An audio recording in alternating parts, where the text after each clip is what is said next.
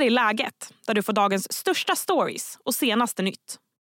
Hon brukar kallas The Princess of Pop och hon slog igenom 1998 med superhitten Baby One More Time. Idag släpper Britney Spears sin självbiografi och den rymmer flera stora avslöjanden om hennes liv. Musikjournalisten går igenom tre av de största snackisarna. Sen tipsar även Expressens kulturchef Victor Malm om tre bokklassiker. Jag heter Sally Sjöberg. Simon Lundberg, musikjournalist och Britney-fantast finns med mig nu. Hej Simon! Hallå där! Hur taggad är du på att lägga vantarna på den här boken? Oh, alltså jag har längtat. Jag har längtat. Det är så mycket intressanta grejer som kommer fram här. Jag var liksom, eh, först och främst, vad är det med Britney som är så fängslande? Skulle du säga? Men jag funderade lite på det nu, just eftersom hon är aktuell med den här boken. Att jag, jag var ändå väldigt ung när hon släppte Baby One More Time 98, jag kanske var sju. Um, och har liksom fått följa med henne hela karriären, vuxit upp med henne och liksom följt all den här draman som man inte då förstod var att hon levde under väldigt svåra förhållanden. Men det känns nästan som att hon är liksom en självklar del av mitt liv. En ikon, musik man lyssnar på, nostalgi, eh, allt.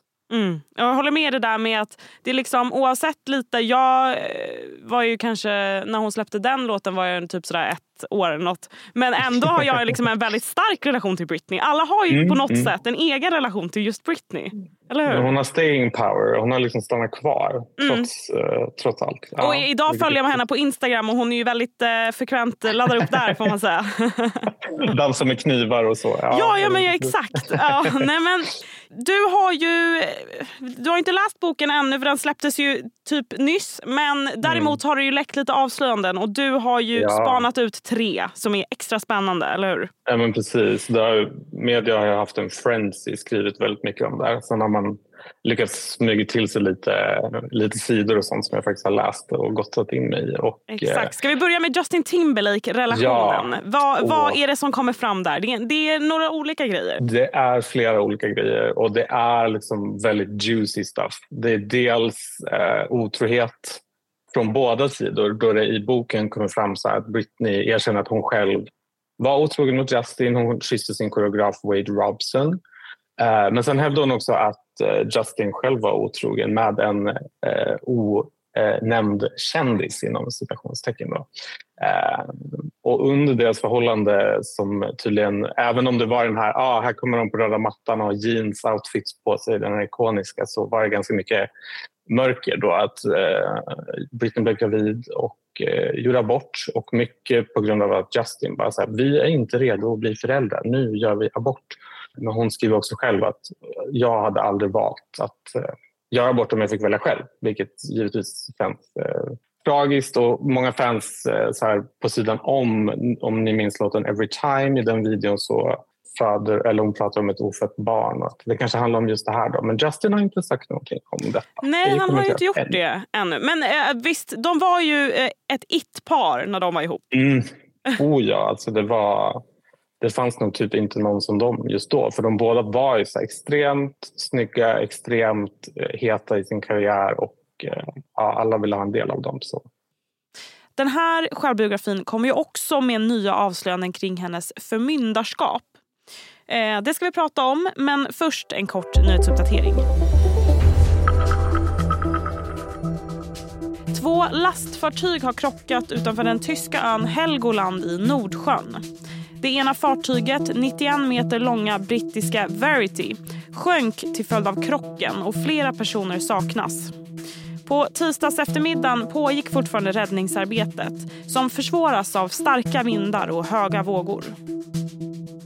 Vänsterpartiets ledare Nooshi Dadgostar vill bilda en rödgrön regering utan Centerpartiet efter nästa val. Nooshi säger citat att Centerpartiet inte behövs. Dadgostars uttalande kommer efter en rad opinionsmätningar som kommit senaste tiden där de rödgröna partierna, S, V och MP, får egen majoritet eftersom både KD och L legat långt under riksdagsspärren. C-ledaren Muharrem Demirok svarade blixtsnabbt. Dream on, Nooshi, säger han. Influensen Katrin Zytomierska straffas med miljonvite efter en dom från Patent och marknadsdomstolen. Konsumentombudsmannen menar att Zytomierska missat att reklammärka flera inlägg som rör hennes företag Clean Eating. Zytomierska hävdar själv att hon är oskyldig. Hej, Ulf Kristersson här. På många sätt är det en mörk tid vi lever i. Men nu tar vi ett stort steg för att göra Sverige till en tryggare och säkrare plats. Sverige är nu medlem i Nato. En för alla, alla för en. Vi är specialister på det vi gör, precis som du. Därför försäkrar vi på Swedea bara småföretag, som ditt. För oss är små företag alltid större än stora och vår företagsförsäkring anpassar sig helt efter firmans förutsättningar. Gå in på swedea.se företag och jämför själv. Något annat som kommer fram eh, handlar ju om när hon blev omyndigförklarad 2008. Mm. Jag tror att få har missat alla grejer oh. som snackats omkring det. Hon blev satt under förmyndarskap, fick inte hantera ja. sin egen ekonomi. Eh, och där avslöjar hon någonting som, vad som kan ha legat bakom att hon tackar ja eller vad ska man säga, gick med på att bli satt under förmyndarskap. Ja, men precis. Um, hela förmyndarskapet har ju varit extremt omtalat och omskrivet uh, i och med Free Britney-rörelsen och hela den biten. Men eh, i grunden så handlar det om eh, sina barn egentligen. Då. De, hennes två söner som hon inte ville förlora. Um, ja, hon ville helt enkelt vara deras uh, legal binding mom så att hon inte förlorade dem i, i någon rättstvist eller sånt. Så hon gick med på det här fruktansvärt eh, detaljer. Väldigt mycket av boken verkar handla om just det här förmyndarskapet då, från 2008 till 2021, vilket är ju väldigt lång tid. Då. Man ska komma ihåg att förmyndarskapet också var efter att hon rakade av sig håret. Det, det som ja. kallas hennes breakdown eller vad man ska kalla det. Så. Ja, men precis, hon kommenterar även det här att det, hon mådde inte bra på den tiden så någon hjälp hade hon behövt få men just det förmyndarskapet och du vet, det kommer fram detaljer i boken om till exempel så här, hon har föräldrakontroll på sin iPhone så allt hon gjorde kunde hennes pappa se, hennes team kunde se. Och hon nämner också en ganska intressant grej och det är att hon under, jag tror det var 2016 någon gång, som hon tar upp en intervju i en talkshow i USA. Bara så jag lever under ett förmyndarskap och jag mår inte så bra. Och den delen, den klipptes bort i den intervjun. Så då blir det så teorier i ens eget huvud. Så här, ah. hmm, kan det vara så att han hade fingrarna med i det spelet också? Liksom vad media skrev om honom. Mm. Men på något vis så den här boken är någon slags styrkebesked från Britney att hon är redo att prata om det. Men det är lite sorgligt för hon skriver också så att hela förmyndarskapet det krossade liksom hennes själ och passion till musiken. För att inget hon gjorde under de här åren var något hon själv ville göra. Utan det var bara, hon skriver också om att uh, I was only put on this earth to make money for my dad. Och liksom, um, inte så upplyftande grej men Nej. det finns också kanske någon styrka i det. Eller vad, vad säger du att hon nu kommer ja, ut och pratar om det. Men verkligen. Och där, hon tackar ju också. Hon är väldigt tacksam för de som ställde upp i Free Britney-rörelsen. De som ville att mm. hon skulle bli av med det här. Verkligen. Det är kärleksförklaring till Free Britney-rörelsen och den väldigt eh, högljudd och stark. Så, Eh, det är väldigt fint och hon skriver också någonting om att så här, mannen som har skrämt mig gjort mig jätte liksom, förminskad ner till ett barn som vuxen kvinna att han har ingen makt längre över mig. Och det finns någonting styrka. Och då kan man ju om man är Britney-fan knyta tillbaka till en av hennes tidigare låtar som heter Overprotected. Så redan där liksom på 90-talet, eller början av 2000-talet, hon pratade om att vara liksom, överskyddad och alla vill kontrollera vad jag ska göra och sen så blev det verklighet. Så det är ganska bisarr liksom, eh, historia. En annan tredje sak som du har spanat ut här det är det här med att hon, hon gjorde inte bara musik utan hon ville också vara med i lite filmer. Och, och mm -hmm. Det kan ha varit så att hon har auditionat för en väldigt känd film. En väldigt känd film. Ryan uh, Goslings The, The Notebook. Eller det är inte The hans Notebook. film men... Uh, Minns du Britneys första storfilm som hon gjorde? Ja, det gör jag inte. Påminn mig. Hon gjorde faktiskt en film som heter Crossroads. Den är väldigt ja, men gud, den, hatad. Ja, den! Nu när du 2002. säger det. Säga vad man vill, kanske inte den starkaste skådespelarinsatsen. Men efter den, hon var ju ändå liksom en världens kändaste kvinna i princip. Så det var hon och Rachel McAdams som sen fick rollen i Notebook som var kvar. Och hon skriver om det här. liksom att det var de som slogs om huvudrollen, vilket är ganska fascinerande. Det hade nog blivit en helt annan film med Britney i den. Men Ryan och eh, Britney var ju faktiskt kollegor i The Mickey Mouse Club som var som de slog igenom som barn. Så de hade liksom skådespelat tillsammans tidigare. Så Mm. Hon skriver att det hade varit en kul reunion då men kanske att hon var glad att det inte blev, Verkligen. eh, blev så. Det har ju läckt lite klipp eh, i sociala medier på det här. Vi kan, Ja. mm, vi kan lyssna lite hur det låter. I can't be here. Not the way I feel about you. It's not fair to Lauren. Look, no, you can't marry two people. Ja, nej men eh, Simon, det finns ju så mycket som rör Britney. och Som vi sa här i början, det, det, det slutas ju inte rapportera om henne och, och sådär också. Nej. Va, vad tror du framåt för Britney? Vad kan vi se härnäst? Det jag tror är att Britney kommer eh, fortsätta vara sig själv, fortsätta vara fri. Jag tror tyvärr inte vi kommer få så mycket mer musik från Britney för det känns liksom som att hon det har blivit ett förgiftat kapitel. Men kanske om vi väntar fem år eller tio år så kommer hon tillbaka med en comeback och den kommer vara så jävla bra. Det, det är en spontan Det hoppas vi på. tanke. Tack Mm. snälla Simon. Mm, Tack snälla. Snart listar Expressens kulturchef tre bokklassiker. Men först blir det fler nyheter. En av de män som sköts av polis i Malmö igår ska ha blivit skjuten av misstag. Det säger åklagaren till TV4 Nyheterna. Det var på måndagskvällen som polisen larmades till ett akutboende för hemlösa i Gamlestaden. Och på plats uppstod en citat hotfull situation varpå skotten avlossades enligt polisen. Männen fördes med ambulans till sjukhus. Den svenska Tindersvindlaren från Uppsala har dömts till två års fängelse. Mannen ska ha lurat sex kvinnor på mer än två miljoner kronor. Han har charmerat sina offer och sen bedragit dem på pengar. Det säger kammaråklagare Per-Axel Rosén Bäck till SVT. Hej, Synoptik här. Hos oss får du hjälp med att ta hand om din ögonhälsa. Med vår synundersökning kan vi upptäcka både synförändringar och tecken på vanliga ögonsjukdomar. Boka tid på synoptik.se. Igår så släpptes de nominerade till bokpriset Augustpriset. Ett av de mer prestigefyllda pris en svensk författare kan få. Men lockar årets nomineringar till läsning? I poddstudion finns Expressens kulturchef Viktor Malm. Hej Viktor. Hej! Men vi kan börja bara först och förklara vad det här priset är för något. Jag förstår det är ett tu- tungt inhemskt litteraturpris, eller? Ja, det är ett jättetungt pris. Ja. Det är bokbranschens stora pris. Att meningen med det här priset är inte att man ska dela ut det till svår litteratur utan till bred kvalitetslitteratur som man tror att väldigt många läsare kan uppskatta.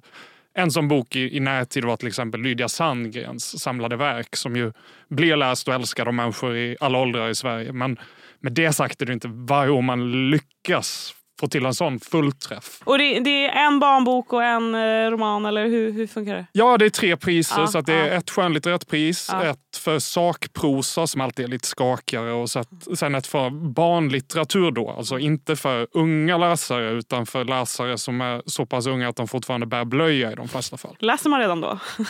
Man läser ju för Du läste redan då, barn. antar jag. Ja, ja men det gjorde jag. Det gjorde jag. vad, vad har du att säga om årets nominerade då? Det, det, jag vet att du har en favorit bland dem. Ja, min favorit är Jonas Hassen Khemiris Systrarna. Jag tycker det är en ovanligt bra roman. Det är väldigt sällan det skrivs så bra romaner på svenska. Den har verkligen internationell klass och den har förmåga att bli en sån här roman som 300 000 svenskar faktiskt läser för att den är så välberättad och välgestaltad och gripande. Och jag tycker verkligen att den förtjänar en extra pushen som ett Augustpris kan ge. Och, men jag måste säga att jag eh, uppfattade inte att Augustpriset var så brett. Därför har jag ju bett dig ta fram tre klassiker som man kan börja med innan Augustpriset. Ja, men jag tycker ändå man ska, man ska träna på den äldre litteraturen innan man närmar sig samtidslitteraturen. Man behöver ju den liksom som ett stöd i ryggen för att känna sig modig nog och, och ta sig an den oformliga massa som är samtiden. Exakt, klassiker för eh, det som är hett just nu. Precis. Lite så. Eh, relationsdramat Maken ska vi börja med. Jag, jag eh, blev taggad på den här. Relationer kan jag inte läsa tillräckligt om. Maken av Gun-Britt Sundström. Det är ju fortfarande den modernaste kärleksroman som finns på svenska trots att den kom ut 1976. Den handlar om den unga studenten Martina och hennes relation till den ungefär lika unga men mentalt lite äldre studenten Gustav. Som aldrig riktigt fungerar. De är kära i varandra, men Martina, huvudpersonen, kan inte bestämma sig för om hon vill ha en make eller inte. Om hon vill binda sig, om hon vill bo ihop. Om hon vill att hennes liv ska vara uppbundet i en mans liv. Och den här av och till-relationen eh, skildras i samband med deras uppväxt genom 20-åren på ett sätt som fortfarande är djupt gripande och ställer den här frågan till läsaren utan att ge ett svar på den. Vad ska man egentligen göra med sitt liv? Vad är det som gör det till en klassiker, just den, den sökandet efter svaret på den frågan? Eller? Ja, men det skulle jag säga. Och, och det är liksom en, en, roman man inte kan gå igenom sin ungdom utan att ha läst, skulle jag säga. Den är en nödvändig lärobok i att bli vuxen. En annan eh, bok som du lyfter här känner jag ju till och med jag till. Eh, jag som tydligen har tagit en kamp för oss som inte läser. Men eh, Karl Ove Knausgård, min, min kamp. Ja, men jag tänker att folk känner ju till Knausgård. Folk har hört hans namn, folk kanske hörde den där nyheten om en man i Malmö som hatade Knausgårds böcker så mycket att han tände fyr på dem i en bokhandel. Han har ju varit ett, ett löpsedelsnamn länge men man kanske faktiskt inte har läst de här Min kamp-böckerna som ju är, utspelar sig över många tusen sidor men ändå är en bild av hela Sverige, av Norge, av Skandinavien på något sätt i början av 2000-talet som är helt oöverträffad. Och jag, jag, jag, säger inte att man måste läsa alla böckerna men jag tycker att man ska läsa de första två. Det, ditt tredje är Per Hagmans Att komma hem ska vara en slager. Hagmans mest hyllade bok vad jag förstår. Ja, men det skulle jag säga. Och det gick ju inte att vara ung på 00-talet skulle jag säga utan att ha läst den här boken. Det var den coolaste boken som skrevs under 00-talet. Sen kanske, kanske den har fallit lite i glömska med åren men det är fortfarande en skildring av vad utelivet i Stockholm kan kosta på en människa som befinner sig mitt i det under alldeles för lång tid och hur man ska förhålla sig. aktuellt idag. Det skulle jag säga. Och hur man ska förhålla sig till, till sig själv och den stora jakten på frihet, att få välja sitt eget liv. Alltså de här eviga temana som alla klassiker under 1900-talet egentligen behandlar men som den uppdaterar på ett, ett väldigt snyggt sätt. Och dessutom är den fortfarande skriven på det här sjungande, fallande, enkla, väldigt tilltalande sättet så att den låter som en poplåt. Tack för de här tipsen Viktor. Jag, jag tänkte fråga dig vad du själv läser men jag att det är något svårt och obegripligt. Ska jag på riktigt säga det? ja det ska du. Kommer du skratta åt namnet på författaren? Jag kommer förmodligen inte känna till det. Men säg nu. Jag läser den nya romanen av den ungerska författaren Laszlo Krasnaorkai. Ja, den ja. som heter Härst. Den ja. är mycket bra hittills. Ja. Jag har inte kommit så långt. Vad härligt. Tack snälla Viktor. Tack. Och det var allt för idag. Läget kommer ju ut varje vardag så se till att du följer podden så missar du inga avsnitt. Tack för att du har lyssnat.